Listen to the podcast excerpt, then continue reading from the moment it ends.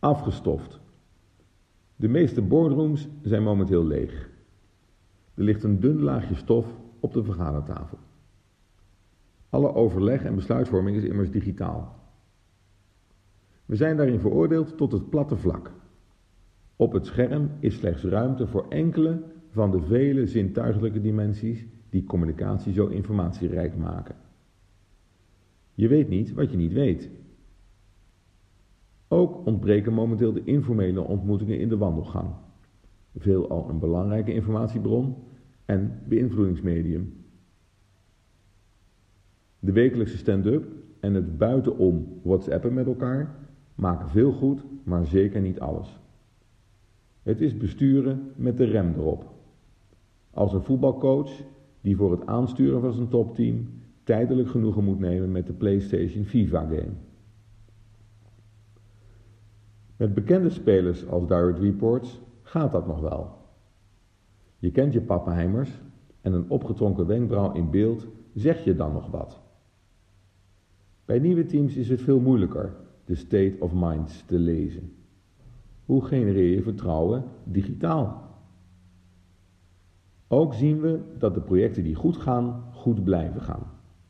Even los van de persoonlijke hygiëne en vermoeidheid van intensieve vergaderdagen, kun je stellen dat de productiviteit hoger is nu er meer meetings in een dag passen en elke sessie strakker verloopt.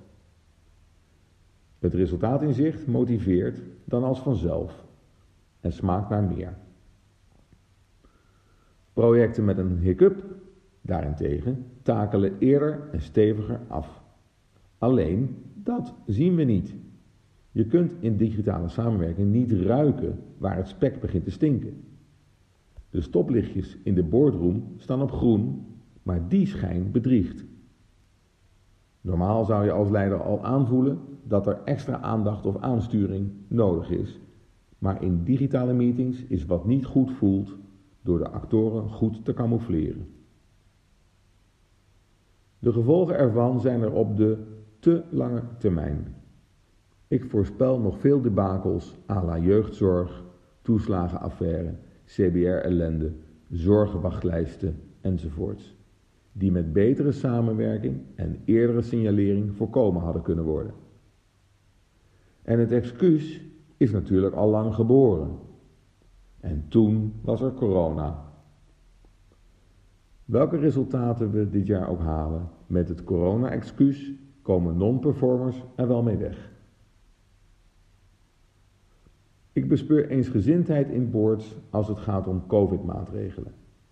Maar dat mag niet verhullen dat de hokjes en silo's er in de dagelijkse waardecreatie nog steeds volop zijn. De klant, burger, patiënt, student en alle andersoortige afnemers van onze producten en diensten wandelen door een keten. Maar het geïntegreerde loket van die keten is er zelden. Onze hokjes in de boardroom houden nog steeds tegen wat nodig is voor integrale oplossingen. De boardroom als border room. Maar dat excuus is niet meer.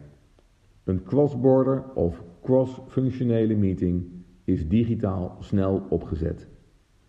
Afstanden tussen afdelingen, vestigingen en andere partijen in de keten zijn er eigenlijk niet meer. Digitale samenwerking kent geen muurtjes. Dus dankzij corona kan straks niemand zich daar meer achter verschuilen. Dat excuus is afgestoft. Net als straks weer de vergadertafel.